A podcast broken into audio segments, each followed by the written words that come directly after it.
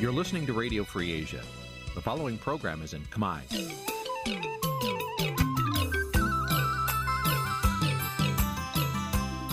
Nǐ chi càm bi tiệp xáy vệt chiu a zì sê ray នេះជាកម្មវិធីផ្សាយរបស់ Vithu Azisari ជាភាសាខ្មែរ វត្តឈូអាស៊ីសេរីសូមស្វាគមន៍លោកអ្នកនាងទាំងអស់ពីរដ្ឋធានី Washington នៃសហរដ្ឋអាមេរិក បាទពីរដ្ឋធានីវ៉ាស៊ីនតោនខ្ញុំបាទសេកបណ្ឌិតសូមជម្រាបសួរអស់លោកអ្នកនាងកញ្ញាទាំងអស់ជាទីមេត្រីយើខ្ញុំសូមជូនកម្មវិធីផ្សាយសម្រាប់ព្រឹកថ្ងៃពុទ្ធ9រោចខែផល្គុនឆ្នាំខាលចត្វាស័កពុទ្ធសករាជ2566ត្រូវនៅថ្ងៃទី15ខែមីនា គ្រិស្តសករាជ2023បាទជាដំបូងនេះសូមអញ្ជើញអស់លោកអ្នកនាងស្ដាប់ព័ត៌មានប្រចាំថ្ងៃដែលមានមេត្តាដូចតទៅ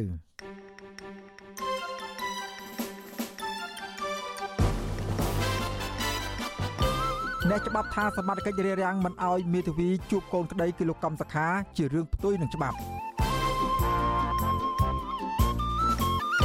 អង្គការសិទ្ធិមនុស្សអន្តរជាតិ Human Rights Watch អំពាវនាវឲ្យដោះលែងកញ្ញាឈឹមស៊ីធនិងទម្លាក់ចោលបទចោលប្រកាន់ទាំងអស់ប្រឆាំងនឹងសមាជិកសហជីព Nagawal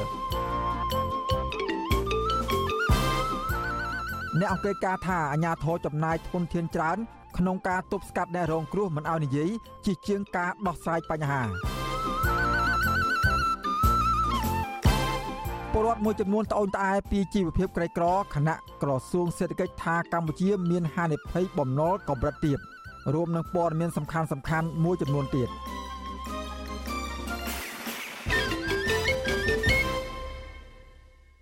បាទជាបន្តទៅទៀតនេះខ្ញុំបាទសេកបណ្ឌិតសូមជូនព័ត៌មានពិស្ដា បាទលោកនាងកញ្ញាជាទីមេត្រីអាញាធរឋានៈដឹកនាំមូលដ្ឋាន និងថ្នាក់ដឹកនាំរដ្ឋាភិបាល តែងតែសួរដេញដោលរោគអ្នកនៅពីក្រោយខ្នងឬអ្នករៀបចំ នៅពេលដែលពលរដ្ឋទៀមទារោគយុទ្ធធរឬធ្វើសកម្មភាពណាមួយក្នុងការបញ្ចេញមតិចំពោះបញ្ហាសង្គមអ្នកវិភាគនិងមន្ត្រីសង្គមស៊ីវិលចាត់ទុកសកម្មភាពទាំងនេះថាកំពុងធ្វើឲ្យអ្នករងគ្រោះកាន់តែរងគ្រោះហើយលែងស្វែងរកយុទ្ធធរតាមផ្លូវច្បាប់ បាទលោកនាងបានស្ដាប់សេចក្តីរាយការណ៍ពិស្ដារអំពីរឿងនេះនាពេលបន្តិចទៀត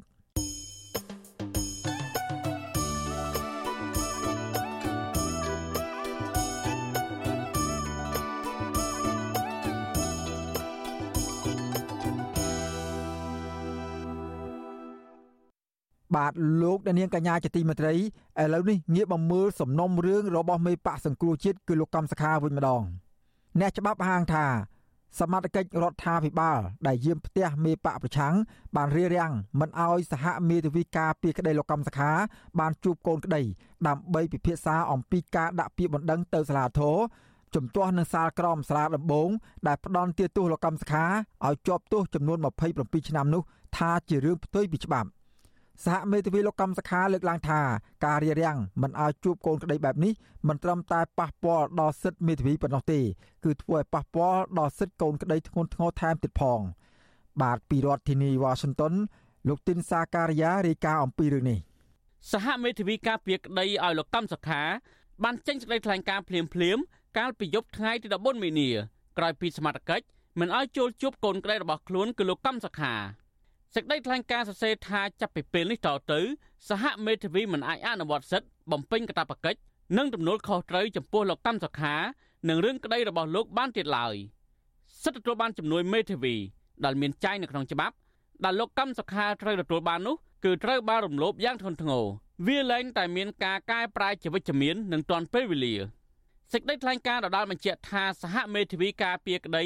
បានទៅដល់ផ្ទះលោកកម្មសខា ដើម្បីពិគ្រោះយោបល់ផ្លូវច្បាប់ជាមួយលោកកម្មសខា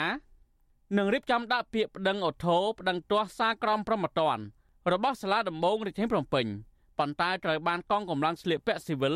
ដែលយាមនៅមុខផ្ទះលោកកម្មសខា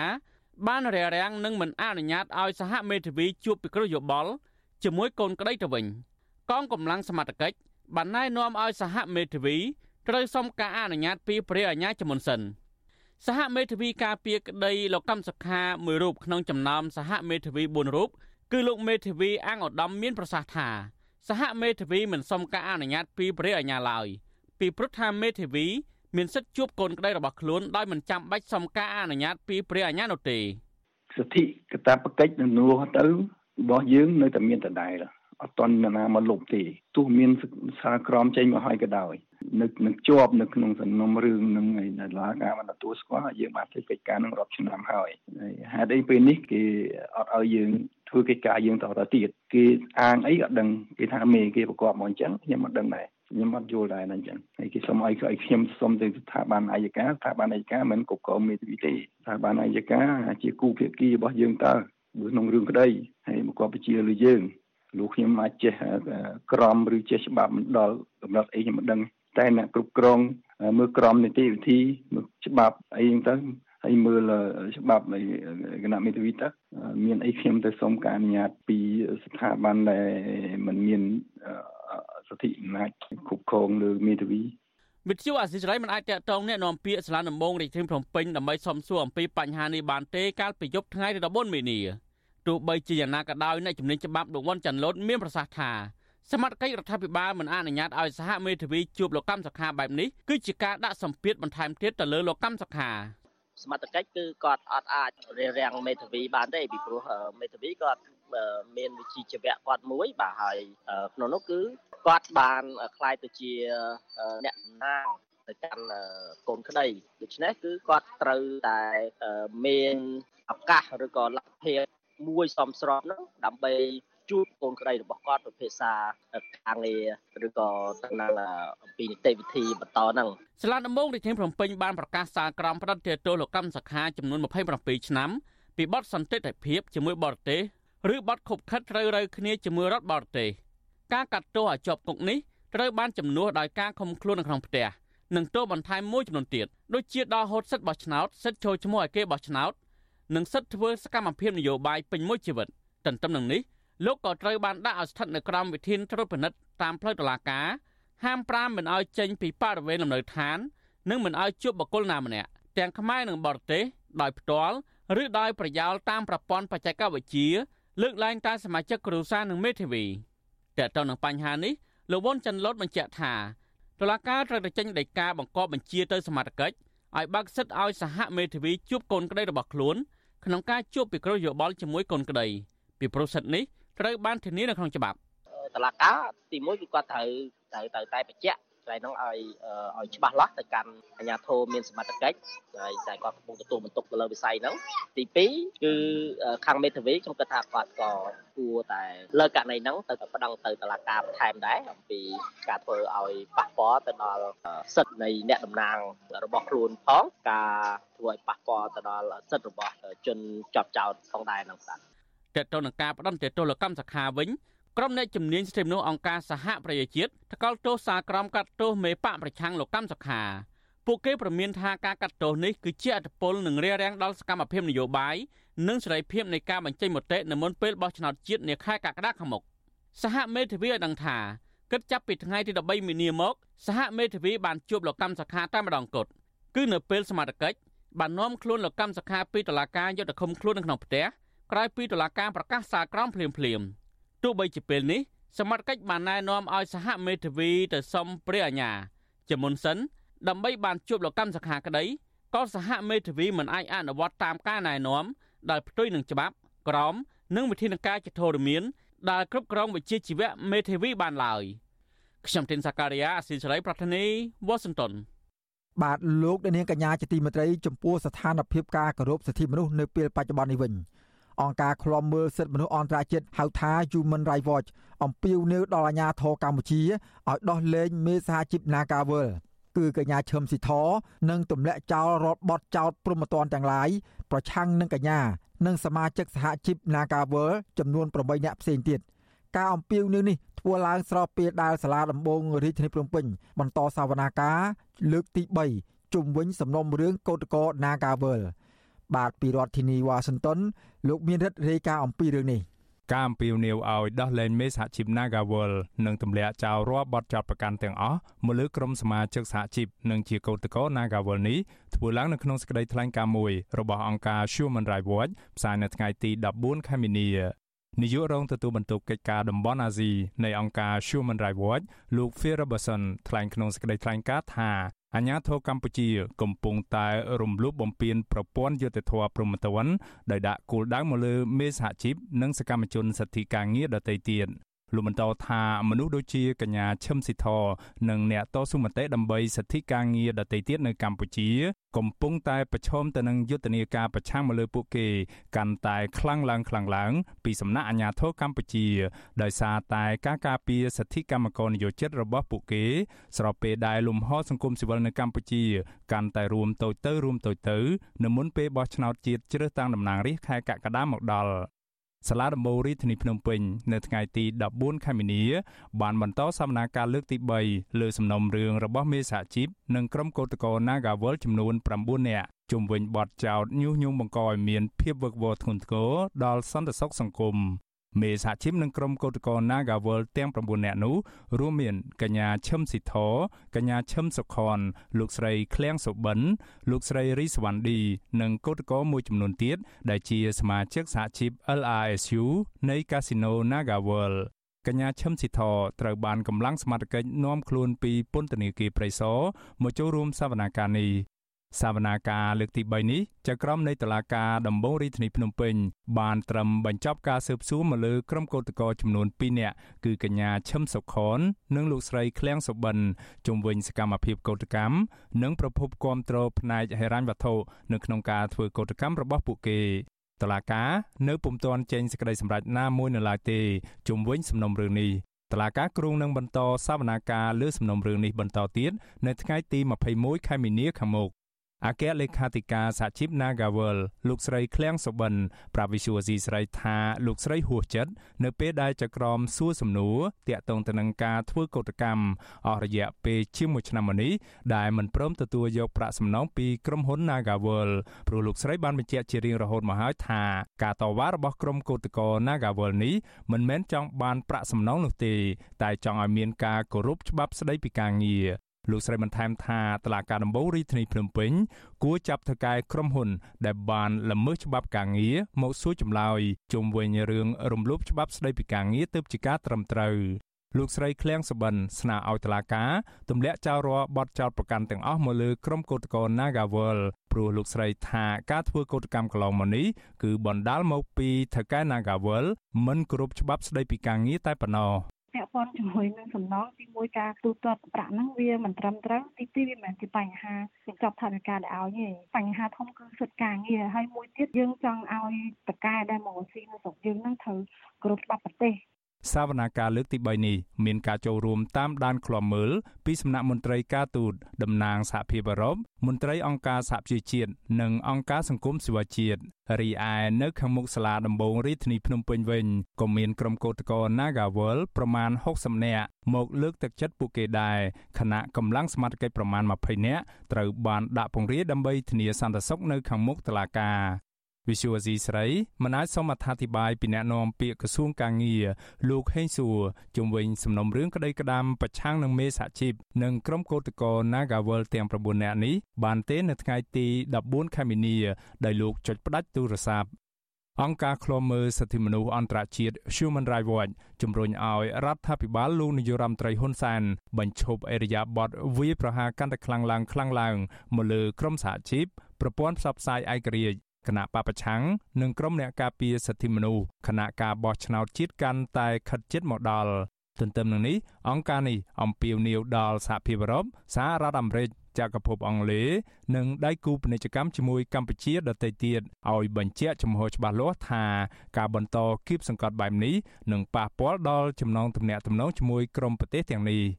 ខ្ញុំបាទមេរិត Visual C ស្រីពីរដ្ឋធានី Washington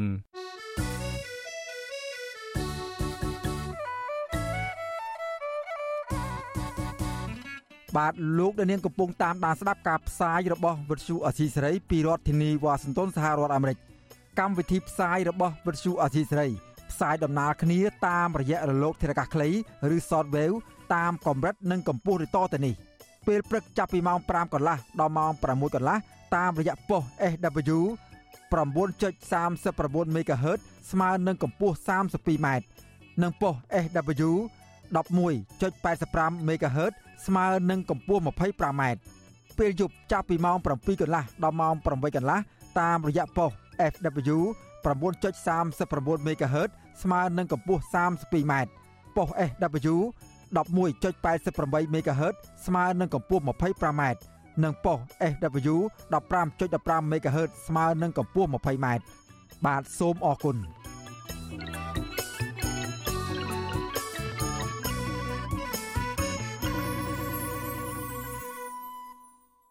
បាទលោកនាងកំពុងតាមដានស្ដាប់ការផ្សាយរបស់វិទ្យុអស៊ីសេរីពីរដ្ឋធានីវ៉ាស៊ីនតោនសហរដ្ឋអាមេរិកប្រជាពលរដ្ឋមួយចំនួនប្រឈមនឹងជីវភាពក្រីក្រដោយសារជំពាក់បំណុលធនាគារនិងគ្មានការងារធ្វើសមរម្យការត្អូញត្អែរបស់ប្រជាពលរដ្ឋនេះគឺបន្ទាប់ពីរដ្ឋមន្ត្រីក្រសួងសេដ្ឋកិច្ចបានលើកឡើងកាលពីថ្ងៃទី1ខែមីនា ស្ដីពីប្រតិបត្តិស្ថិតិបំណុលបរទេសប្រចាំត្រីមាសទី4ឆ្នាំ2022 របាយការណ៍បង្ហាញថាបើទោះបីជារដ្ឋាភិបាលកម្ពុជាទទួលរងផលប៉ះពាល់ពីការរីករាលដាលនៃវិបត្តិជំងឺ Covid-19 និងពីកត្តាខាងក្រៅផ្សេងៗទៀតយ៉ាងណាក្តីក៏ស្ថានភាពបំណុលកម្ពុជា នៅតែមានចីរភាព និងហានិភ័យកម្រិតទាបបាទពីរដ្ឋធានី Washington អ្នកស្រីស្ងួនអមរារាយការណ៍អំពីរឿងនេះ ប្រជាពលរដ្ឋមួយចំនួនព្រួយបារម្ភចំពោះបញ្ហាជីវភាពកាន់តែយ៉ាប់យ៉ឺនពីមួយថ្ងៃទៅមួយថ្ងៃនិងខ្លាចកូនកូនមិនអាចបន្តការសិក្សាបានដល់ជាប់ថ្នាក់បាក់ឌុបពួកគេស្នើឲ្យរដ្ឋាភិបាលយកចិត្តទុកដាក់លើស្ថានភាពក្រីក្ររបស់ប្រជាពលរដ្ឋដើម្បីឲ្យពួកគាត់អាចមានលទ្ធភាព ប្រកបរបរចិញ្ចឹមជីវិតបានសមរម្យពលករនីធ្វើការផ្នែកអនាម័យតាមផ្ទះនៅទីក្រុងបាងកកមានស្រុកកំណើតនៅខេត្តបាត់ដំបងលោកស្រីសាទសឿបប្រាប់វិទ្យុអាស៊ីសេរីនៅថ្ងៃទី14មីនាថាមូលហេតុដែលគ្រួសារលោកស្រីមកប្រទេសថៃនេះដោយសារជីវភាពខ្វះខាតហើយធ្វើស្រែចម្ការបានផលហើយលក់មិនបានប្រាក់ដោះស្រាយជីវភាពហើយលោកស្រីមិនអាចទប់ទល់នឹងថ្លៃចំណាយកូនរៀននិងបង់ធនាគារបានដូច្នេះលោកស្រីសម្រេចចិត្តមកធ្វើការនៅប្រទេសថៃនេះសង្ឃឹមថាអាចមានលុយកាក់ខ្លះទុកផ្គត់ផ្គង់ជីវភាពគ្រួសារ ថាហានិភ័យគឺពលរដ្ឋខ្មែរបាត់បង់ការងារអញ្ចឹងទោះបីគាត់មិនចង់ចំណាក់ស្រុកគឺគាត់ក៏ត្រូវតែចំណាក់ស្រុកពេលណាដែលបំណុលកើនឡើងរឹតតែច្រើនទៅច្រើនទៅជាពិសេសបំណុលប្រជាពលរដ្ឋដែលជាពាក់នៅធនាគារអ្នកខ្លះលក់ដីលក់ស្រែលក់ចម្ការដើម្បីទៅសងបំណុលធនាគារទីបំផុតពួកគាត់នឹងបាត់បង់ដីធ្លីពួកគាត់នឹងត្រូវបង្ខំចិត្តចំណាក់ស្រុកអ្នកដែលគាត់ចំណាក់ស្រុករួចហើយតើគាត់នឹងចូលស្រុកបានដោយរបៀបណាបើសិនជាប្រទេសយើងអត់មានការងារធ្វើស្រដៀងគ្នានេះដែរអាជីវករលក់ដូរនៅរាជធានីភ្នំពេញលោកស្រីលៀនសោភាថ្លែងថាសប្តាហ៍នេះលោកស្រីលក់ដូរមិនសូវដាច់នោះទេរីឯទំនិញក៏ឡើងថ្លៃពិបាករកប្រាក់ណាស់ហើយលោកស្រីត្រូវបង់ថ្លៃផ្ទះជួលនិងថ្លៃទឹកភ្លើងថែមទៀតលោកស្រីបន្តថាក្នុងមួយថ្ងៃលោកស្រីអាចរកចំណូលបានចន្លោះពី20000រៀលដល់30000រៀលប៉ុន្តែថវិកានេះមិនគ្រប់ទិញម្ហូបអាហារនិងសងបំណុលធនាគារឡើយ យើងរត់បានអញ្ចឹងបងថ្លៃសាលាកូនរៀនដល់បានចាប់ចាប់ផងចង់ឲ្យកូនមានអនាគតកុំឲ្យដូចខ្ញុំអញ្ចឹងដល់ពេលឥឡូវព្រួយបារម្ភខ្លាំងជាងគេរឿងកូនរៀនហ្នឹងហ្មងនិយាយទៅមើលចំពោះខ្ញុំវិញខ្ញុំចង់ឲ្យរត់ជាប់ជួយមើលខុសត្រូវអ្នកដែលទីតក្រដោយពួកខ្ញុំអីជួយផ្ទះគេអញ្ចឹងគាត់ជួយជីថវិកាខ្លះអីមកសម្រាប់បង្កើតមករបរថែមតិចទៀតទៅពេលឥឡូវបងខ្វះខាតខ្លាំងព្រោះអាចឲ្យកូនឈប់រៀន ប្រតិកម្មនេះធ្វើឡើងក្រោយពេលរដ្ឋមន្ត្រីក្រសួងសេដ្ឋកិច្ចលោកអូនពាន់មនីរតលើកឡើងកាលពីថ្ងៃទី1មីនាស្ដីពីប្រតិបត្តិស្ថិតិបំណុលបរទេសប្រចាំត្រីមាសទី4ឆ្នាំ2022របាយការណ៍បង្ហាញថាបើទោះបីជាសេដ្ឋកិច្ចកម្ពុជាទទួលរងផលប៉ះពាល់ពីការរីករាលដាលនៃវិបត្តិជំងឺ Covid-19 និងពីកត្តាខាងក្រៅផ្សេងទៀតក្តីក៏ស្ថានភាពបំណុលកម្ពុជា នៅតែមានចីរភាពនិងហានិភ័យកម្រិតទាបរបាយការណ៍ដដែលនេះបញ្ជាក់ថាត្រឹមដំណាត់ឆ្នាំ2022កម្ពុជា មានបំណុលសរុបចំនួន710,000លានដុល្លារក្នុងនោះជាង99%ឬប្រមាណជាង9000លានដុល្លារជាបំណុលបរទេសរីឯជាង17លានដុល្លារទៀតជាបំណុលក្នុងប្រទេស ជុំវិញរឿងនេះប្រធានមជ្ឈមណ្ឌលប្រជាពលរដ្ឋដើម្បីអភិវឌ្ឍនិងសន្តិភាពលោកយងកំឯងយល់ឃើញបើកម្ពុជា មានលទ្ធភាពក្នុងការសងបំណុលបរទេសនោះមិនអីទេប៉ុន្តែបើកម្ពុជាគ្មានលទ្ធភាពសងវិញនោះអ្នកដែលរងគ្រោះជាងគេគឺពលរដ្ឋលោកបន្តថាដើម្បីឲ្យកាត់បន្ថយពលរដ្ឋចំណាក់ស្រុកនិងអាចដោះស្រាយបំណុលបានរដ្ឋគួរតែរកទីផ្សារលក់កសិផល ក្នុងតម្លៃសមរម្យជូនដល់ពលរដ្ឋនិងបង្កបរិយាកាសឲ្យមានការនាំចេញទៅក្រៅប្រទេសឲ្យកាន់តែច្រើន ធ្វើយ៉ាងណាកុំអោយ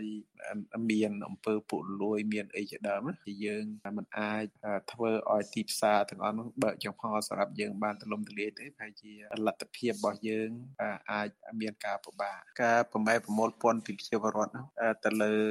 របស់របរផ្សេងផ្សេងកាន់តែច្រើនហ្នឹងគឺអាចធ្វើឲ្យប៉ះពាល់ដល់ជីវភាពរបស់គាត់ដែរបើសិនជាគៀងគោចំណូលថវិកាជាតិនឹងវា មានកម្រិតខុសគ្នាខ្លាំងអានឹងអាចធ្វើឲ្យមានបញ្ដែររដ្ឋាភិបាលតែងអួតអាងពីមោទនភាពថាក្នុងរយៈពេលជាង2ទសវត្សរ៍មកនេះខ្លួនបានកាត់បន្ថយអត្រាភាពក្រីក្រពី7.48%ក្នុងឆ្នាំ2007មកនៅត្រឹម7.14%កាលពីឆ្នាំ2014ហើយមានមហិច្ឆតាចង់คลายខ្លួនពីប្រទេសអភិវឌ្ឍតិចតួចមកជាប្រទេសមានចំណូលមធ្យមកម្រិតខ្ពស់នៅឆ្នាំ2030 និងជាប្រទេសមានចំណូលខ្ពស់នៅឆ្នាំ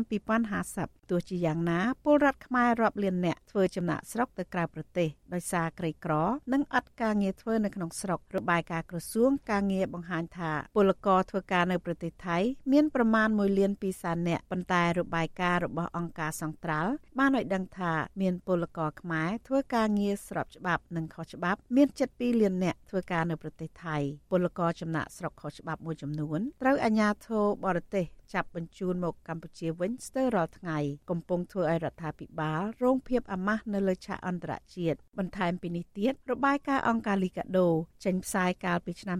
2020បង្ហាញថាពលរដ្ឋកម្ពុជា ជាង3លាន6សែនគ្រួសារកំពុងជំពាក់បំណុលមីក្រូហិរញ្ញវត្ថុវ៉ាន់កក្នុងម្នាក់ម្នាក់មិនតិចជាង4000ដុល្លារ គណៈរដ្ឋវិញគិតត្រឹមដំណាច់ឆ្នាំ2022ជំពាក់បំណុលបរទេសសរុបប្រមាណ710,000លានដុល្លារក្នុងនោះបំណុលស្ទើរតែចិត្តពាក់កណ្ដាលជាបំណុលដែលរដ្ឋជំពាក់ចិននាងខ្ញុំស្ងួនអមរា Vichu Azisari ពីរដ្ឋធានី Washington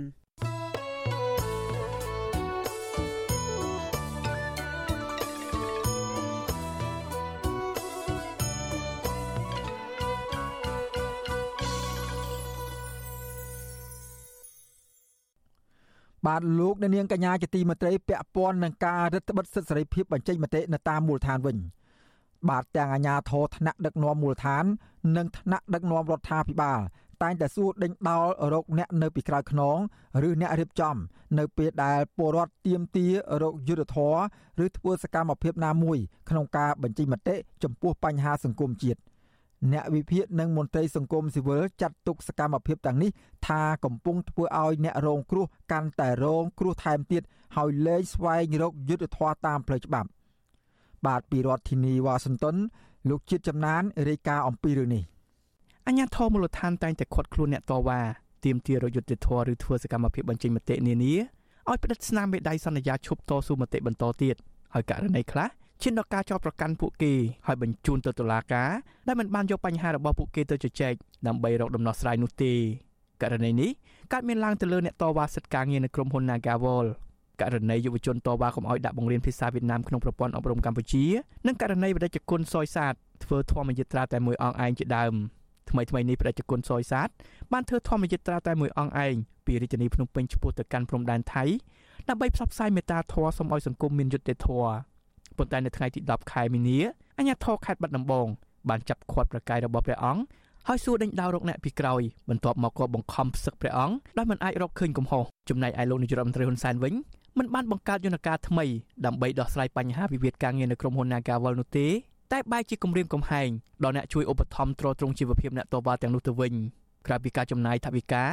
និងមនុស្សដើម្បីតាមថតរូប តាមខ្លំមើលដល់ផ្ទះដែលជារូបភាពគម្រាមកំហែងរដ្ឋាភិបាលក៏មានការតាមដានស្ដាប់ប្រព័ន្ធទូរស័ព្ទឬបណ្ដាញទំនាក់ទំនងសង្គមផ្សេងទៀតហើយពេលខ្លះក៏មានការទម្លាយសារទំនាក់ទំនងរបស់បុគ្គលឯកជនទាំងបំពេញច្បាប់លោកហ៊ុនសែនធ្លាប់ប្រមានដល់អ្នករិះគន់លោកតាមបណ្ដាញសង្គមថាលោកមានក្រុមការងារគ្រប់គ្រាន់ក្នុងការតាមដានថាបើលោកចង់ចាត់ការគឺប្រើពេលតែ5នាទីលោកអាចចាប់ខ្លួនអ្នករិះគន់វាយប្រហារលោកបានហើយអ្នកជំនាញកិច្ចការនយោបាយលោកហ៊ុនកុសលលើកឡើងថាការតាមបំបិតសម្លេងប្រជាពលរដ្ឋរងគ្រោះ មិនឲ្យនិយាយស្ដីគឺមិនបានផ្ដល់ប្រយោជន៍អ្វីដល់សង្គមក្រៅពីបណ្ដោយឲ្យបញ្ហាទាំងនោះទុកឲ្យកាន់តែរាលដាលធំឡើងនោះទេលោកចាត់ទុកថាការបំបិតសម្លេងពលរដ្ឋដែលរងគ្រោះឬពលរដ្ឋចេះឈឺឆ្អាលបញ្ហាសង្គមមិនឲ្យនិយាយស្ដីនេះជាទម្រង់ដឹកនាំសល់ពីសម័យខ្មែរក្រហមនៅក្នុងរបបនយោបាយកម្ពុជា ការបំបិតសម្លេងប្រជាពលរដ្ឋមិនឲ្យនិយាយការពិត បំបិតសម្លេងប្រជាពលរដ្ឋមិនឲ្យទៀមទាយុតិធធបំបិតសម្លេងប្រជាពលរដ្ឋ ទាមទារឲ្យមានដំណោះស្រាយសមស្របតាមច្បាប់ គឺវាមានតាំងតែពីសម័យប៉ុលពតហើយសាររាជាផ្ដាច់ការបែបនេះ វានៅតែអូសបន្លាយរហូតដល់ពេលបច្ចុប្បន្នហ្នឹងទោះបីជារដ្ឋាភិបាលបច្ចុប្បន្ននេះ តែងតែពោលអួតពីសន្តិភាពអគុណសន្តិភាពនៅពេលដែលរដ្ឋាភិបាលចំណាយធនធាននិងពេលវេលាច្រើនក្នុងការទប់ទល់ពលរដ្ឋមិនឲ្យសម្ដែងមតិនោះមន្ត្រីពាក់ព័ន្ធបានខកខានក្នុងការបំពេញតួនាទីរបស់ពួកគេនាំឲ្យបញ្ហាកើតឡើងទូទាំងប្រទេស ដូចជាបាត់ល្មើសគ្រឿងញៀនការឡើងឥតឈប់ឈរការកាប់បំផ្លាញព្រៃឈើមិនមានការទប់ស្កាត់មន្ត្រីកសិកម្មមិនបានជួយដល់កសិករនិងអំពើពុករលួយគ្រប់កន្លែងមិនអាចទប់ស្កាត់បានជាដើមអ្នកនាំពាក្យសមាគមការពារសិទ្ធិមនុស្សអាត់ហុកលោកសង្សានករណាអំពីវិនិយោគដល់រដ្ឋាភិបាលបញ្ឈប់ការបំបិទសម្លេងរបស់ពលរដ្ឋហើយងាកមកស្ដាប់និងដោះស្រាយបញ្ហាទាំងនោះវិញ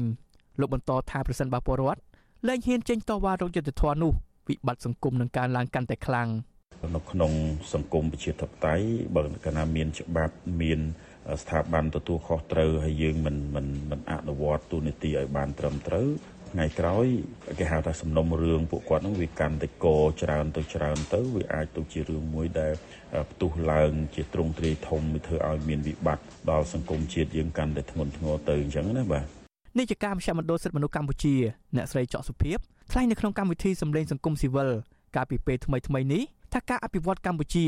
ត្រូវការរួបរวมគ្នាគឺការរួបរวมមនុស្សពីគ្រប់មជ្ឈដ្ឋានមិនសំដៅទៅលើបកឬក្រុមណាមួយនោះទេអ្នកស្រីអំពីវនីរដ្ឋាភិបាលស្ដាប់និងដោះស្រាយបញ្ហាទុកកង្វល់របស់ពលរដ្ឋទើបអាចមានការរួបរวมនៅក្នុងសង្គមដែលមានសន្តិភាពទាំងផ្លូវកាយនិងផ្លូវចិត្តរដ្ឋាភិបាលនឹងប្រកាស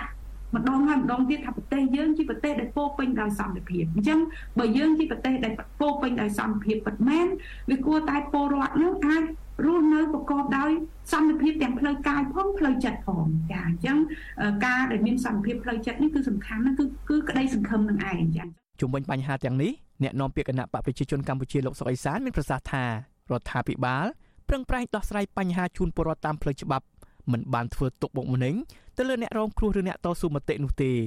តាមប្រព័ន្ធអ្នកណាក៏ដោយបើអត់មានធ្វើកម្មភាពអីរំខានដល់សន្តិសុខជាតិឬមួយក៏រំខានដល់សម្រាប់ដល់សាធារណៈទេគឺអត់មានបញ្ហាអីទេលោកសុកអេសានក៏បានលើកឡើងពីករណីចាប់សឹកលោកសុយសាទថាអាញាធរស្រាវជ្រាវរកមិនឃើញករណីបាត់ល្មើសក៏ដោះលែងវិញហើយករណីក្រុមកោតក្រ Nagawal គឺក្រសួងការងារបានដោះស្រាយតាមយន្តការច្បាប់ប៉ុន្តែកម្មករមិនព្រមទទួលយក បើទោះជាមានការបកស្រាយការពីពីមន្ត្រីរដ្ឋាភិបាលបន្តបន្ទាប់ក៏ដោយប៉ុន្តែអង្គការជាតិអង្គការអន្តរជាតិរួមទាំងរដ្ឋាភិបាលប្រទេសលោកសេរីជាច្រើនទៀតតែងតែចោទទៅរដ្ឋាភិបាលកម្ពុជាថារំលោភសិទ្ធិមនុស្សធ្ងន់ធ្ងរបំបិទសិទ្ធិពលរដ្ឋដែលរងគ្រោះឬសិទ្ធិនៃការបញ្ចេញមតិរបស់សកម្មជនផ្សេងផ្សេងទៀតឥតឈប់ឈរហើយការរំលោភសិទ្ធិទាំងនេះធ្វើឲ្យប្រទេសលោកសេរីទាំងនោះកាត់ផ្តាច់ប្រព័ន្ធអនុគ្រោះពន្ធ EBA ចំនួន20%ជាដើមខ្ញុំបាទជាចំណាន Visual Assisray ប្រធានាទី Washington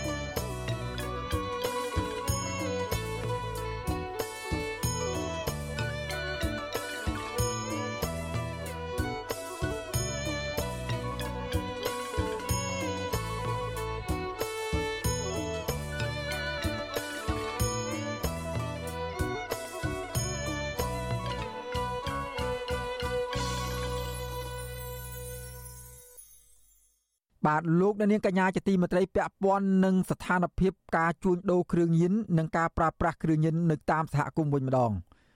មន្ត្រីសង្គមស៊ីវិលព្រួយបារម្ភអំពីការកើនឡើងគ្រឿងញៀនតាមរយៈអ ுக ្រិតជនដឹកជញ្ជូនឆ្លងដែននិងលួចបើករោងចក្រផលិតនៅកម្ពុជា ការព្រួយបារម្ភរបស់អង្គការសង្គមស៊ីវិលនេះធ្វើឡើងបន្ទាប់ពីរដ្ឋមន្ត្រីក្រសួងមហាផ្ទៃលោកសខេងប្រកាសថាបញ្ហាគ្រឿងញៀននៅកម្ពុជានឹងគ្មានថមថយនោះទេ បាទសូមស្ដាប់សេចក្តីរាយការណ៍របស់លោកយ៉ងច័ន្ទរា ពីរដ្ឋធានីវ៉ាស៊ីនតោនជុំវិញរឿងនេះមន្ត្រីអង្គការសង្គមស៊ីវិលលើកឡើងថារដ្ឋាភិបាលមិនទាន់មានយន្តការនៅក្នុងការប្រយុទ្ធប្រឆាំងនិងទប់ស្កាត់បញ្ហាហូរចូលគ្រឿងញៀនឲ្យមានប្រសិទ្ធភាពនៅឡើយទេដែលធ្វើឲ្យក្រុមអ ுக ្រិតជនមានឱកាសដឹកជញ្ជូនគ្រឿងញៀនចូលកម្ពុជារាប់រយតោនប្រធានអង្គការសម្ព័ន្ធគណនេយ្យភាពសង្គមកម្ពុជា លោកសនជ័យមានប្រសាសន៍ថា គ្រឿងញៀនបន្តហូរចូលកម្ពុជាកាន់តែច្រើនគំរាមកំហែងដល់សង្គមជាតិហើយប្រជាពលរដ្ឋជាពិសេសយុវជននឹងងាយរងគ្រោះដោយសារប្រើប្រាស់គ្រឿងញៀនកាន់តែច្រើនលោកមើលឃើញថាអាញាធននៅមានចន្លោះប្រហោងច្រើននៅក្នុងការបង្ក្រាបអ ுக ្រិតជនជួញដូរគ្រឿងញៀនជាមួយគ្នានេះលោករិះគន់ថាអាញាធរអសមត្ថភាពនិងធ្វេសប្រហែសនៅក្នុងការត្រួតពិនិត្យសារធាតុគីមីផ្សំដែលអាចកែច្នៃជាគ្រឿងញៀន ដែលជាហេតុនាំឲ្យក្រុមអ ுக ្រិតជននាំចូលមកកម្ពុជាតាមទំនឹងចិត្ត ការបង្ក្រាបទៅលើការនាំចូលការផលិតនៅក្នុងប្រទេសវាជាហេតុផលមួយដែលយើងយល់ថាការចែកចាយការបង្ក្រាបហាក់បីដូចជាអាជ្ញាធរនៅរដារក្រោយក្រុមអក្រិតជនជួញដូរចែកចាយគ្រឿងញៀននឹងនៅឡើយចំណុចនេះចាំបាច់ត្រូវតែមានវិធានការក្តៅមួយគឺរឿងការពិនិត្យមើលទៅលើទិដ្ឋភាពពាក់ព័ន្ធនឹងអំពើពុករលួយតកតងជាមួយនឹងមូលហេតុ ថាតើអ្វីខ្លះដែលជាអើមចំដែលនាំឲ្យមានការបង្ក្រាបមិនមានប្រសិទ្ធភាពប្រតិកម្មរបស់មន្ត្រីសង្គមស៊ីវិលនេះគឺបន្ទាប់ពីរដ្ឋមន្ត្រីក្រសួងមហាផ្ទៃលោកសខេងបានប្រកាសថាបញ្ហាគ្រឿងញៀននៅកម្ពុជានឹងគ្មានការថមថយនោះទេលោកសខេងកាលពីថ្ងៃទី12ខែមីនាបានលើកឡើងដោយចោទជាសំណួរថាតើឲ្យមានការសង្ឃឹមទៅលើយុវជនបែបណាបើលំហូរចូលគ្រឿងញៀនចូលកម្ពុជានៅក្នុងមួយឆ្នាំកន្លងទៅ មានចំនួនរាប់រយតោន លោកបញ្ជាក់ថាសារធាតុគីមីផ្សំដែលក្រមអ ுக ្រិតជននាំចូលកម្ពុជា ដើម្បីផលិតជាគ្រឿងញៀនកាលពីឆ្នាំ2022កន្លងទៅនោះមានចំនួនជិត400តោនលោកសខេងបញ្ជាក់ថាបញ្ហានេះរដ្ឋាភិបាលនិងក្រសួងស្ថាប័នពាក់ព័ន្ធគឺជាអ្នកទទួលខុសត្រូវឥឡូវយើងសង្ឃឹមអីបើយុវជនយើងនាំគ្នាប្រើប្រាស់សារធាតុញៀនតើអនាគតប្រទេសយើងវាទៅយ៉ាងម៉េចនេះយើងទៅមើលវែងឆ្ងាយបើយើងមិនបានយកចិត្តទុកដាក់ ឲ្យដល់កម្រិតយើងរឹបអូសបានសារធាតុញៀនគ្រឿងញៀនដែលគេផ្សំរួចហើយ6ដល់10តោនជាងប៉ុន្តែណោះអាសារធាតុដែលគេយកមកដើម្បីនឹងផ្សំមានរហូតដល់380តោនជាងជាមួយគ្នានេះលោកសខេងក៏អំពាវនាវឲ្យប្រជាពលរដ្ឋត្រូវណែនាំដល់កូនកូន និងសមាជិកគ្រួសាររបស់ខ្លួនជៀសឲ្យឆ្ងាយពីការប្រើប្រាស់គ្រឿងញៀនដើម្បីចូលរួមទប់ស្កាត់ការហូរចូលនៃគ្រឿងញៀនកាលពីឆ្នាំ2022កន្លងទៅ អាជ្ញាធរជាតិប្រយុទ្ធប្រឆាំងបទល្មើសគ្រឿងញៀនរឹបអូសគ្រឿងញៀនបានប្រមាណ16តោនគ្រឿងញៀនទាំងនោះសមត្ថកិច្ចបង្ក្រាបបានភាគច្រើនពីក្រុមអ ுக ្រិតជនជនជាតិចិនមួយចំនួនដែលធ្វើសកម្មភាពដឹកជញ្ជូនឆ្លងដែននិងលួចបើករោងចក្រផលិតនៅកម្ពុជាជុំវិញរឿងនេះនាយកទទួលបន្ទុកកិច្ចការទូតនៃអង្គការសិទ្ធិមនុស្សលីកាដូលោកអំសំអាត មានប្រសាសន៍ថាអាញាធរកម្ពុជាត្រូវតែបង្កើនការទប់ស្កាត់លំហូរចូលគ្រឿងញៀន និងបង្កើនកិច្ចសហប្រតិបត្តិការល្អជាមួយប្រទេសនៅក្នុងតំបន់និងអន្តរជាតិដើម្បីបង្ការនិងទប់ស្កាត់ការដឹកជញ្ជូនគ្រឿងញៀនឆ្លងដែនព្រមទាំងតាមចាប់ក្រុមអ ுக ្រិតជនដែលរត់គេចខ្លួនម្យ៉ាងវិញទៀតលោកថាអាញាធរនៃក្រសួងជំនាញត្រូវតែចោះធ្វើអធិការកិច្ចចំពោះរោងចក្រដែលសង្ស័យថាលួចផលិតគ្រឿងញៀនទើបស្ថានភាពគ្រឿងញៀននៅកម្ពុជា អាចមានការថមថយ។ ដើម្បីបង្ក្រាបទប់ស្កាត់បញ្ហាគ្រឿងញៀនឲ្យមានប្រសិទ្ធភាពទី1គឺសមាជិកទាំងអស់ដែលពាក់ព័ន្ធនឹងត្រូវនៅឲ្យឆ្ងាយពីគ្រឿងញៀនហើយបើសិនជាមានការពាក់ព័ន្ធសមាជិកមួយណាពាក់ព័ន្ធត្រូវតែអនុវត្តតាមវិធានការផ្លូវច្បាប់ឲ្យខាងតែបានទី2គឺត្រូវមានការកិច្ចសហប្រតិបត្តិការល្អរវាងអាជ្ញាធរគ្រប់ស្ថាប័នដើម្បីធ្វើការបង្ក្រាបនិងការទប់ស្កាត់បញ្ហាគ្រឿងញៀននេះ កម្ពុជាក្រោមការដឹកនាំរបស់លោកហ៊ុនសែនរងការរិះគន់ថាបណ្ដោយឲ្យមានឧក្រិដ្ឋកម្មគ្រឿងញៀនតាមរយៈសម្ព័ន្ធមិត្តដៃថៃរបស់លោក ដែលជនជាតិចិនមួយចំនួននាំសារធាតុគីមីនិងដឹកជញ្ជូនគ្រឿងញៀនចូលកម្ពុជាមន្ត្រីអង្គការសង្គមស៊ីវិលព្រួយបារម្ភថាប្រសិនបើរដ្ឋាភិបាលគ្មានចំណាត់ការមើងម៉ាត់នៅក្នុងការទប់ស្កាត់បញ្ហាហូរចូលនៃគ្រឿងញៀននេះទេនោះវានឹងគំរាមកំហែងដល់សង្គមកាន់តែខ្លាំងនិងបំផ្លិចបំផ្លាញធនធានយុវជនខ្មែរចំនួនក្រោយ រួមទាំងបង្កើតឲ្យមាននៅបទល្មើសបែបឧក្រិដ្ឋនិងអំពើហិង្សានៅក្នុងសង្គមកាន់តែច្រើនខ្ញុំយ៉ងច័ន្ទដារាវិទ្យុអាស៊ីសេរី Washington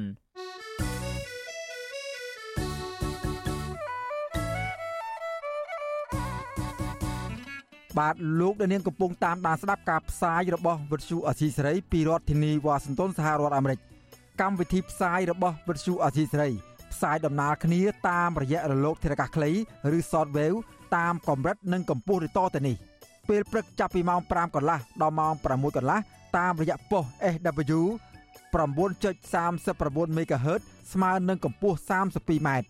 និងប៉ុស SW 11.85 MHz ស្មើនឹងកម្ពស់ 25m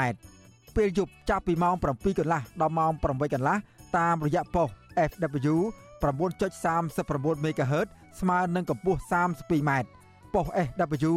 11.88 MHz ស្មើនឹងកម្ពស់ 25m និងប៉ុស SW 15.15 MHz ស្មើនឹងកម្ពស់ 20m បាទសូមអរគុណ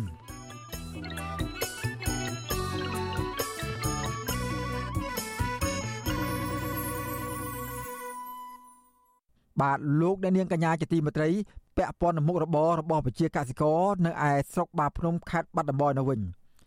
ប្រជាពលរដ្ឋមួយចំនួននៅក្នុងស្រុកឯកភ្នំខេត្តបាត់ដំបងបោះបង់មុខរបរធ្វើស្រែ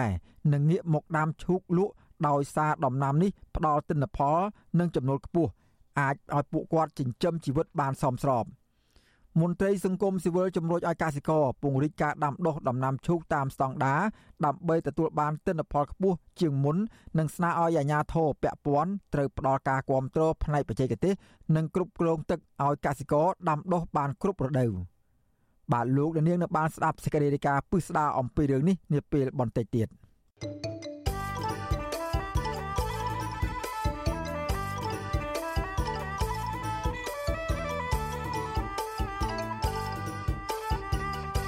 បាទលោកអ្នកនាងកញ្ញាជាទីមេត្រីយើងក៏លេខទៅមើលបញ្ហារបស់ប្រជាពលរដ្ឋនៅតាមព្រំដែនកម្ពុជាវៀតណាមឯនោះវិញ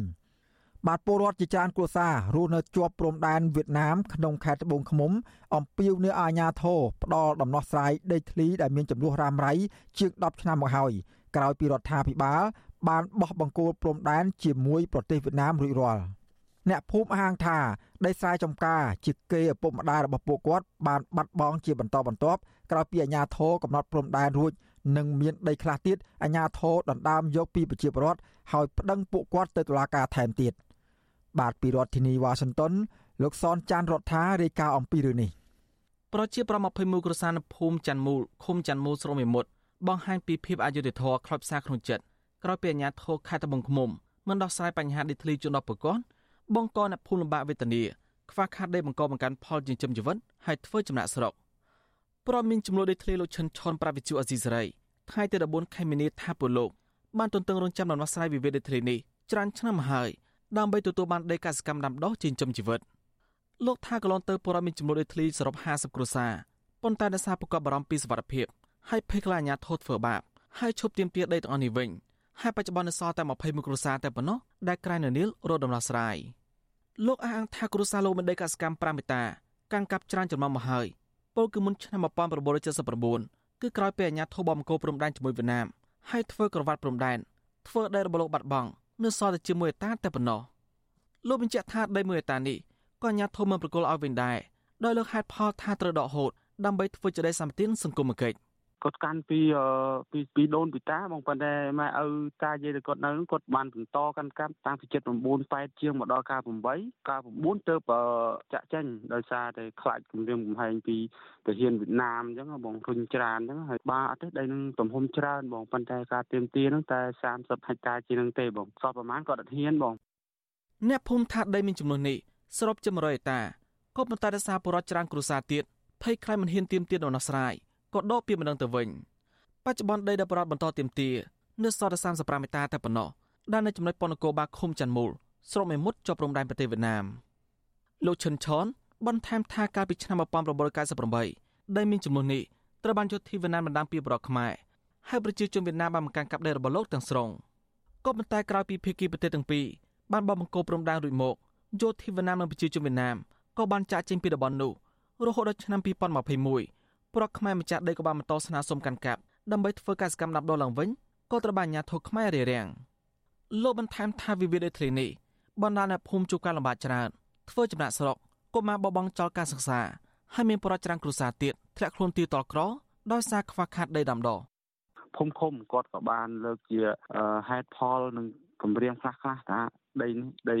រដ្ឋបើយើងនៅ តវ៉ានឹងតាមតំណែងលើដីនោះនឹងមានការចាប់ចងអញ្ចឹងបងគាត់ថាទៅឃុំគាត់ដូចជាគម្រាមហ្នឹងបងគាត់លើកពីហេតុផលអញ្ចឹងណាបងវិទ្យុអេស៊ីសរ៉ៃមិនតតែតតងសុំការបំភ្លឺរឿងនេះពីអភិបាលស្រុកមេមត់លោកស្រែងលីបានឡើយទេ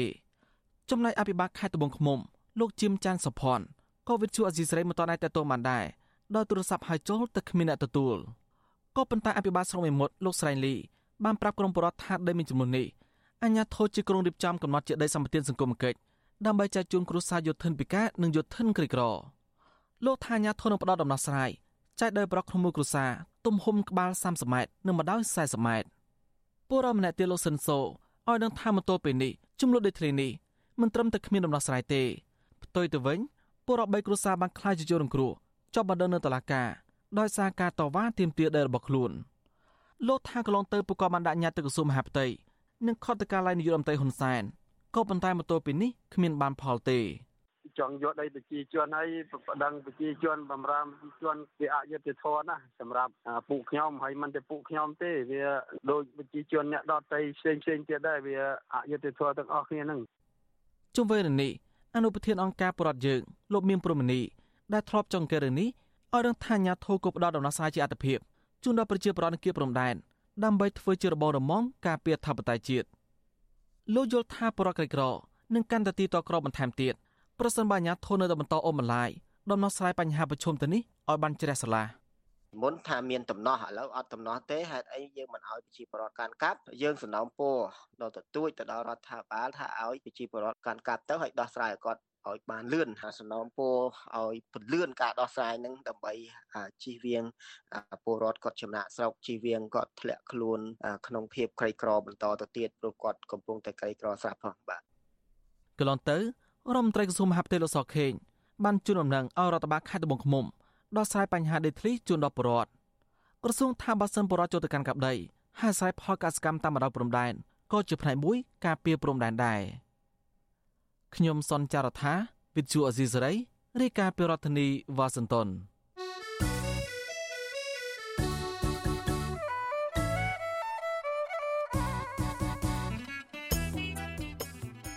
បាទលោកនាងកញ្ញាជាទីមេត្រី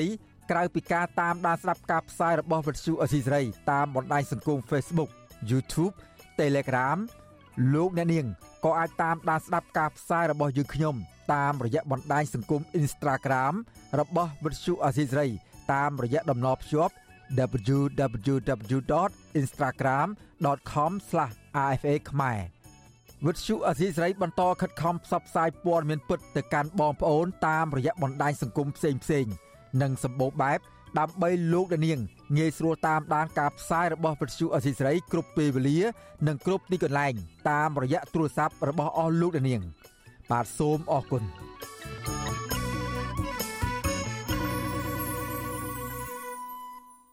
បាទចំពោះបញ្ហាបរិស្ថានវិញក្រមយុវជនចលនាមេដាធម្មជាតិស្នើឲ្យក្រសួងបរិស្ថាន អន្តរាគមជាបន្ទាន់ដើម្បីការពារបរិស្ថាន និងរក្សាសម្រស់ឆ្នេរកោះកុងក្រៅឲ្យនៅបានល្អស្អាតមន្ត្រីសង្គមស៊ីវិលគាំទ្រចំពោះការលើកឡើងបែបនេះ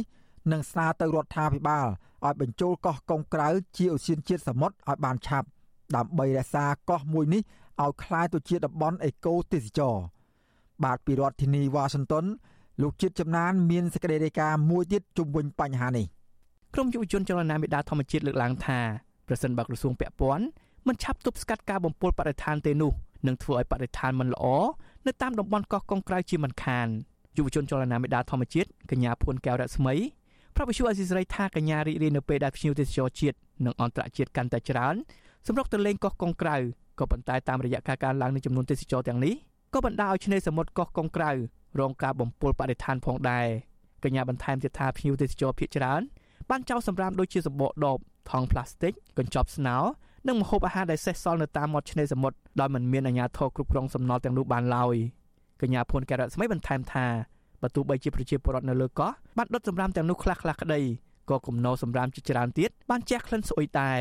ជាមួយគ្នានេះកញ្ញាស្នើសុំឲ្យក្រសួងពាក់ព័ន្ធជាពិសេសក្រសួងបរិស្ថានគួរមានអន្តរាគមន៍ជាបន្ទាន់ដើម្បីរក្សាសម្រស់ឆ្នេរសមុទ្រនៅលើកោះកុងក្រៅឲ្យបាននៅល្អស្អាតខ្ញុំស្នើទៅ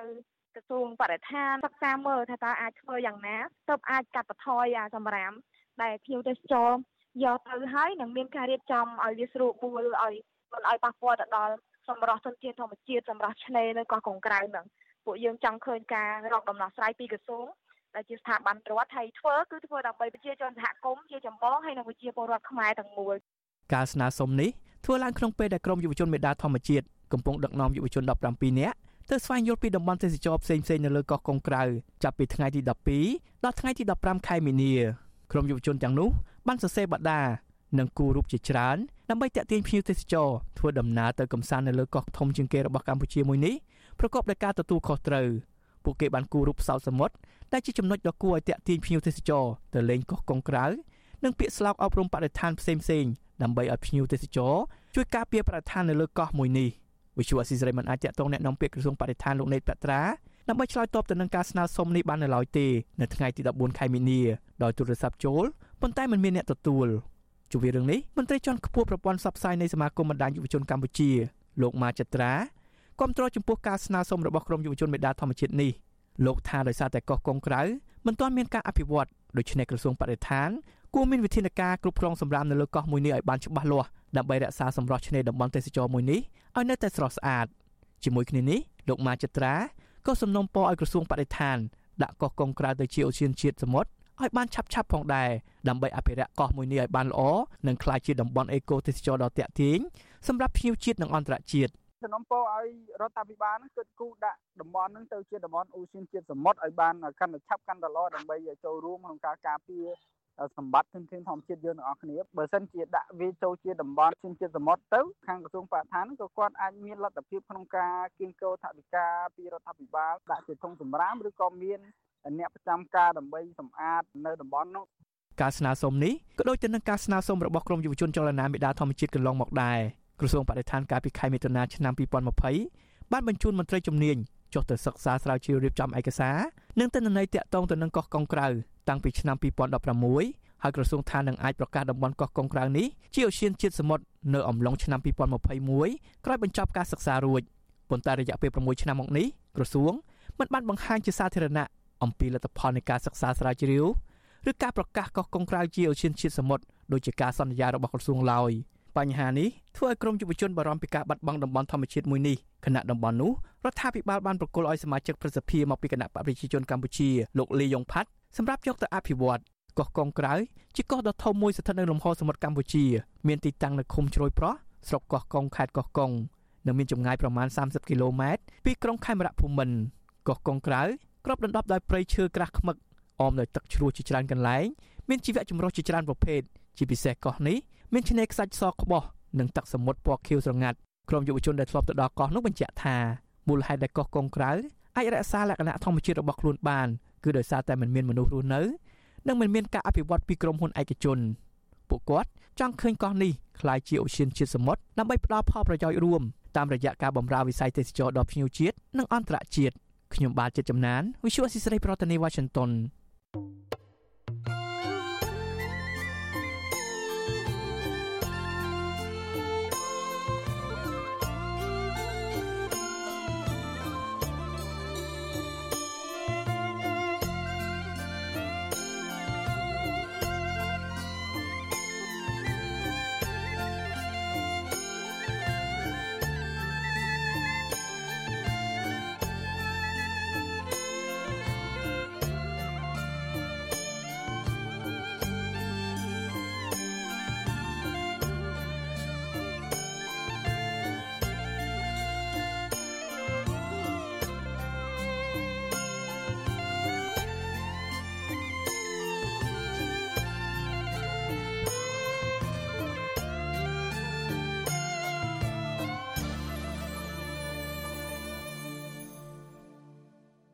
បាទលោកអ្នកនាងកញ្ញាជាទីមេត្រីឥឡូវនេះយើងក្រឡេកមកមើលបញ្ហាការប្រកបរបរកសិកម្មរបស់ប្រជាកសិករនៅខេត្តបាត់ដំបងនៅវិញបាទប្រជាពលរដ្ឋមួយចំនួននៅស្រុកឯកភ្នំ បានបោះបង់មុខរបរធ្វើស្រែនិងងាកមកដាំឈូកលក់ដោយសារតែដំណាំមួយនេះបានផ្ដល់ទិន្នផល និងចំណូលខ្ពស់អាចឲ្យពួកគាត់ចិញ្ចឹមជីវិតបានសមរម្យ មន្ត្រីសង្គមស៊ីវិលជំរុញឲ្យកសិករពង្រីកការដាំដុះដំណាំឈូកតាមបែបស្តង់ដារដើម្បីទទួលបានទិន្នផលខ្ពស់ជាងមុននិងស្នើឲ្យរដ្ឋាភិបាលអាជ្ញាធរពាក់ព័ន្ធត្រូវផ្ដល់ការគាំទ្រផ្នែកបច្ចេកទេសនិងគ្រប់គ្រងទឹកឲ្យបានល្អដើម្បីឲ្យកសិករអាចដាំដុះដំណាំមួយនេះបានគ្រប់រដូវបាទពីរដ្ឋធានីវ៉ាស៊ីនតោនលោកនៅវណ្ណរិនមានសេចក្តីរាយការណ៍មួយជុំវិញព័ត៌មាននេះ នៅចំកណ្ដាលវាលស្រែធំល្វឹងល្វើយពណ៌មាសឆ្អិនឆ្អៅក្នុងតំបន់អាងភៀសនៃស្រុកឯកភ្នំខេត្តបាត់ដំបងចំការឈូកដ៏ធំមួយពណ៌ស៊ីចម្ពូកំពុងចេញផ្លែផ្កាយ៉ាងត្រកាលវាលឈូកទំហំ5ហិកតានេះជាកម្មសិទ្ធិរបស់កសិករពីរគ្រួសារនៅក្នុងឃុំពីមឯកដែលនឿយណាយនឹងការធ្វើស្រែខាត់បងស្ទើររាល់ឆ្នាំហើយបដូរមកដាំដំណាំនេះជាមុខរបរចិញ្ចឹមជីវិតចំនួនវិញ។ កសិករដាំឈូកម្នាក់នៅអាងភៀសគឺលោកពុយភិរុនប្រាប់វិទ្យុអាស៊ីសេរីថាលោកបដូរមកមុខរបរនេះអស់រយៈពេលជាង3ឆ្នាំហើយដោយសារតែធ្វើស្រែមិនសូវបានទទួលទិន្នផលល្អព្រមទាំងធ្វើឲ្យខូចគុណភាពដីដែលបណ្ដាលមកពីការប្រើប្រាស់ថ្នាំ និងជីគីមីកសិកម្មលោកបន្តថាមកទល់ពេលនេះផ្ទៃដីដាំឈូករបស់លោកមានទំហំ3ហិកតា ដែលអាចដាំឈូកនិងប្រមូលផលបានពី2ទៅ3ដងក្នុងមួយឆ្នាំ។ លោកថាបើទោះជាការដាំឈូកនៅហត់ជាងការធ្វើស្រែបន្តិចមែនតែដំណាំនេះបានផ្ដល់ប្រាក់ចំណូលខ្ពស់មិនសូវចំណាយដើមទុនច្រើនទេ សម្រាប់ដាំឈូកនេះអត់កំណត់ទេឲ្យតែមានទឹកយើងចាប់ផ្ដើមដាំរហូតដល់វាឲ្យចាប់ដល់ឲ្យផលផ្កាគឺប្រហែល2ខែកន្លះរហូតដល់យើងប្រមូលផលគឺ3ខែទៅ3ខែកន្លះដល់4ខែដល់5ខែទៅវាវាអស់វាខ្សោយទៅវិញអញ្ចឹងមិនកំណត់ថាខែត្រូវខែនេះត្រូវដាំខែនោះត្រូវបេះអត់ទេយើងតែតែមានទឹកដាំគឺខែណាក៏បានដែរតែកំណត់5ខែឬ6ខែវាអស់ផល កសិករដាំឈូក1500ដើមក្នុង1ហិកតាដោយចំណាយដើមទុនអស់ជាង200ដុល្លារអាមេរិកនិងទទួលបានចំណូលមកវិញប្រមាណ800ដុល្លារអាមេរិកទៅ1200ដុល្លារអាមេរិកពួកគាត់ទិញឈូកមកពីអាងកំពីងពួយដែលក្នុងមួយដើមតម្លៃ300រៀល ឈូកដែលកសិករដាំនៅក្នុងភូមិគោកដូងដាំជាពូជឈូកបាយដែលមានដើមរឹងស្លឹកធំស្ដើងព្រោះពូជនេះនឹងផ្ដល់ផលច្រើន ពិសេសមានគ្រាប់ណែនជាងពូជឈូកបេងដែលមានពណ៌ក្រហមព្រឿងព្រឿងនិងមានអាយុកាលប្រមូលផលរយៈពេលវែងពូជឈូកប្រភេទនេះលូតលាស់បានល្អនៅលើដីមមោកឬដីល្បាប់មានជីវជាតិនិងមិនត្រូវការទឹកច្រើននោះឡើយ។ កសិករអាចប្រមូលផលឈូកនេះបានរយៈពេលពី6ទៅ7ខែទើបមើមឈូកទាំងនេះកៅលែងចេញផ្កាហើយកសិករក៏ចាប់ផ្ដើមភ្ជួរដីដាំសារជាថ្មីដំណាំឈូកអាចប្រឈមការបំផ្លាញពីជំងឺឬសត្វចង្រៃដូចជាដង្កូវនិងខ្យងស៊ីដើមនិងស្លឹកជាពិសេសនៅរដូវវស្សាក៏ប៉ុន្តែកសិករអាចបាញ់ថ្នាំសម្លាប់សត្វល្អិតទាំងនេះនិងត្រូវរក្សាទឹកក្នុងស្រែត្រឹមក្បាលជង្គង់កសិករដាំឈូកម្នាក់ទៀតគឺលោកស្រីក្រេបដារ៉ា ឲ្យដឹងថាក្នុងមួយថ្ងៃមួយថ្ងៃអ្នកស្រីអាចទទួលចំណូលបានពីការលក់ឈូកពី60000ទៅ100,000រៀលដោយមានឈ្មួញមកទិញផ្លែគ្រាប់ទាំងខ្ចីទាំងចាស់និងក្រអៅឈូកដល់កន្លែងដោយឡែកនៅថ្ងៃសិលលោកស្រីបេះផ្កានិងស្លឹកឈូកយកទៅលក់នៅផ្សារដោយផ្ទាល់ហើយទទួលបានចំណូលបន្ថែមមួយកម្រិតទៀត។ កសិកររូបនេះបន្តថារបរដាំឈូកបានផ្លាស់ប្ដូរជីវិតគ្រួសាររបស់លោកស្រី ពីអ្នករកព្រឹកខ្វះល្ងាចមកជីវភាពល្អប្រសើរជាងការធ្វើស្រែដោយសារដំណាំនេះមានទីផ្សារនិងផ្ដល់ផលបានគ្រប់រដូវខ្ញុំចំណូលខាងដើមឈូកជាងខាងឈូកនេះវាមានចំណូលឲ្យខ្ញុំចាយទៅបានគ្រប់គ្រាន់ជាងធ្វើស្រែអត់ទេលុយចាយគ្រប់ទេ ទោះជាកសិករលើកឡើងថាការដាំឈូករកចំណូលនិងទទួលបានទិន្នផលច្រើនជាងការធ្វើស្រែក៏ពិតមែនតែពួកគេចេះដាំដំណាំនេះតតគ្នាដោយមិនមានបច្ចេកទេសនោះទេហើយមន្ត្រីកសិកម្មនៅមិនទាន់មានការបណ្ដុះបណ្ដាលពីការដាំដុះដំណាំនេះជាក់លាក់នៅឡើយនោះទេ តាក់ទងនឹងបញ្ហានេះវិទ្យុអាស៊ីសេរីពុំអាចតាក់ទងប្រធានមន្ទីរកសិកម្មរុក្ខាប្រមាញ់និងនេសាទខេត្តបាត់ដំបងលោកឈឹមវជ្ជរា និងមេឃុំពីមឯកលោកជីវជិនហោដើម្បីសុំការអធិប្បាយបានទេនៅថ្ងៃទី14មីនានេះ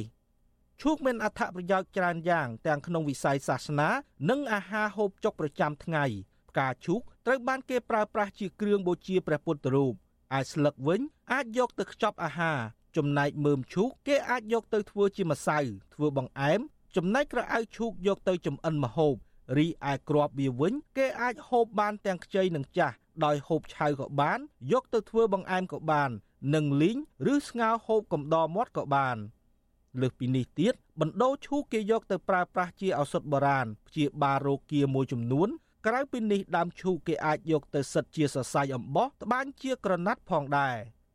អ្នកសម្របសម្រួលផ្នែកឃ្លាំមើលការរំលោភសិទ្ធិមនុស្សនៃអង្គការលីកាដូប្រចាំខេត្តបាត់ដំបងលោកអិនគងចិត្តមានប្រសាសន៍ថាអាជ្ញាធរមូលដ្ឋាន គួរធ្វើរបាយការណ៍ទៅមន្ទីរកសិកម្មខេត្តដើម្បីស្នើសុំមន្ត្រីជំនាញបណ្ដុះបណ្ដាលបច្ចេកទេសដាំដុះស្តង់ដារដល់ប្រជាកសិករដើម្បីទទួលបានទិន្នផលឈូកខ្ពស់ជាងមុន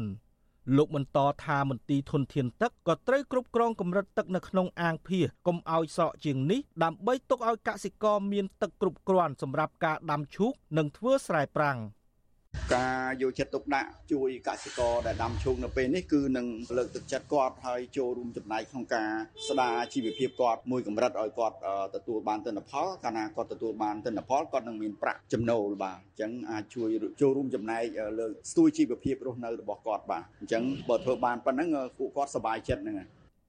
ការផ្លាស់ប្តូរមុខរបរនិងយកដីស្រែទៅដាំដំណាំផ្សេងផ្សេងនេះកើតឡើងបន្ទាប់ពីកសិករធ្វើស្រែខាតប្រមាណឆ្នាំជាប់ជាប់គ្នាដោយសារតែមិនសូវទទួលទិន្នផលស្រូវធ្លាក់ថ្លៃនិងរងគ្រោះដោយសារទឹកជំនន់ជាដើមកសិករដាំឈូកនៅក្នុងភូមិគោកដូងស្នើឲ្យក្រសួងកសិកម្មរុក្ខាប្រមាញ់និងនេសាទជួយស្ថាបនាប្រព័ន្ធធារាសាស្ត្របណ្ដុះបណ្ដាលបច្ចេកទេសការដាំដុះបែបទំនើបកម្មដល់កសិករជាពិសេសជួយពង្រីកនិងការពារតម្លៃឈូកនៅទីផ្សារផងដែរ។ ខ្ញុំបាទនៅវណ្ណរិន with Chu Azizi Saray ពីរដ្ឋធានី Washington thank you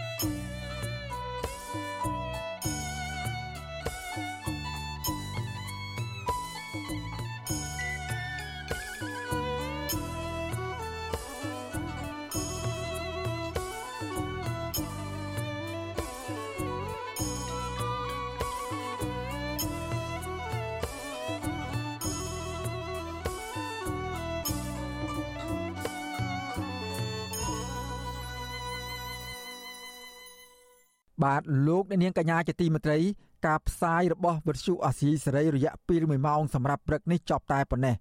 យើខ្ញុំសូមថ្លែងអំណរគុណយ៉ាងជ្រាលជ្រៅចំពោះការយកចិត្តទុកដាក់ស្ដាប់របស់អស់លោកអ្នកនាងជារៀងដរាបមកយើខ្ញុំសូមជូនពរដល់អស់លោកអ្នកនាងឲ្យជួបប្រកបតែនឹងសេចក្តីសុខចម្រើនរុងរឿងកំបីគ្លៀងគ្លាឡើយខ្ញុំបាទសេកបណ្ឌិតព្រមទាំងសហការីទាំងអស់នៃវិទ្យុអាស៊ីសេរីសូមអរគុណនិងសូមជម្រាបលា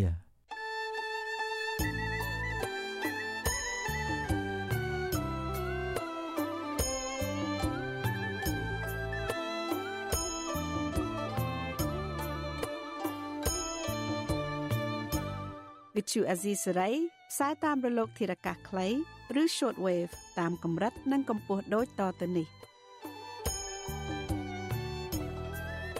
ពេលព្រឹកចាប់ពីម៉ោង5កន្លះដល់ម៉ោង6កន្លះតាមរយៈប៉ុស SW 9.39 MHz ស្មើនឹងកម្ពស់ 32m និងប៉ុស SW 11.85 MHz ស្មើនឹងកម្ពស់ 25m ពេលយប់ចាប់ពីម៉ោង7កន្លះដល់ម៉ោង8កន្លះតាមរយៈប៉ុស SW 9.39 MHz ស្មើនឹងកម្ពស់ 32m ប៉ុស SW 11.88 MHz ស្មើនឹងកម្ពស់ 25m និងប៉ុស SW 15.15 MHz ស្មើនឹងកម្ពស់ 20m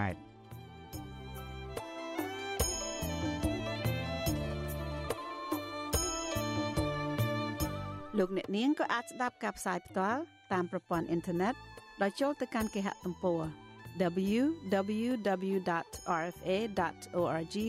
ខ្មែរក្រៅពីនេះលោកអ្នកនាងក៏អាចអាននិងទស្សនាព័ត៌មានវិទ្យុអេស៊ីសេរីលើទូរស័ព្ទដៃរបស់លោកអ្នកផ្ទាល់សូមលោកអ្នកនាង ចូលទៅកាន់កម្មវិធី Facebook រួចស្វែងរកពាក្យ RFA ខ្មែរនិង YouTube ដោយស្វែងរកពាក្យ RFA ខ្មែរសូមលោកអ្នកនាងចុច like និងចុច subscribe ដើម្បីទទួលបានព័ត៌មានថ្មីៗបានហេតុការនិងទស្សនាវីដេអូផ្សេងៗទៀតបានគ្រប់ពេលវេលា។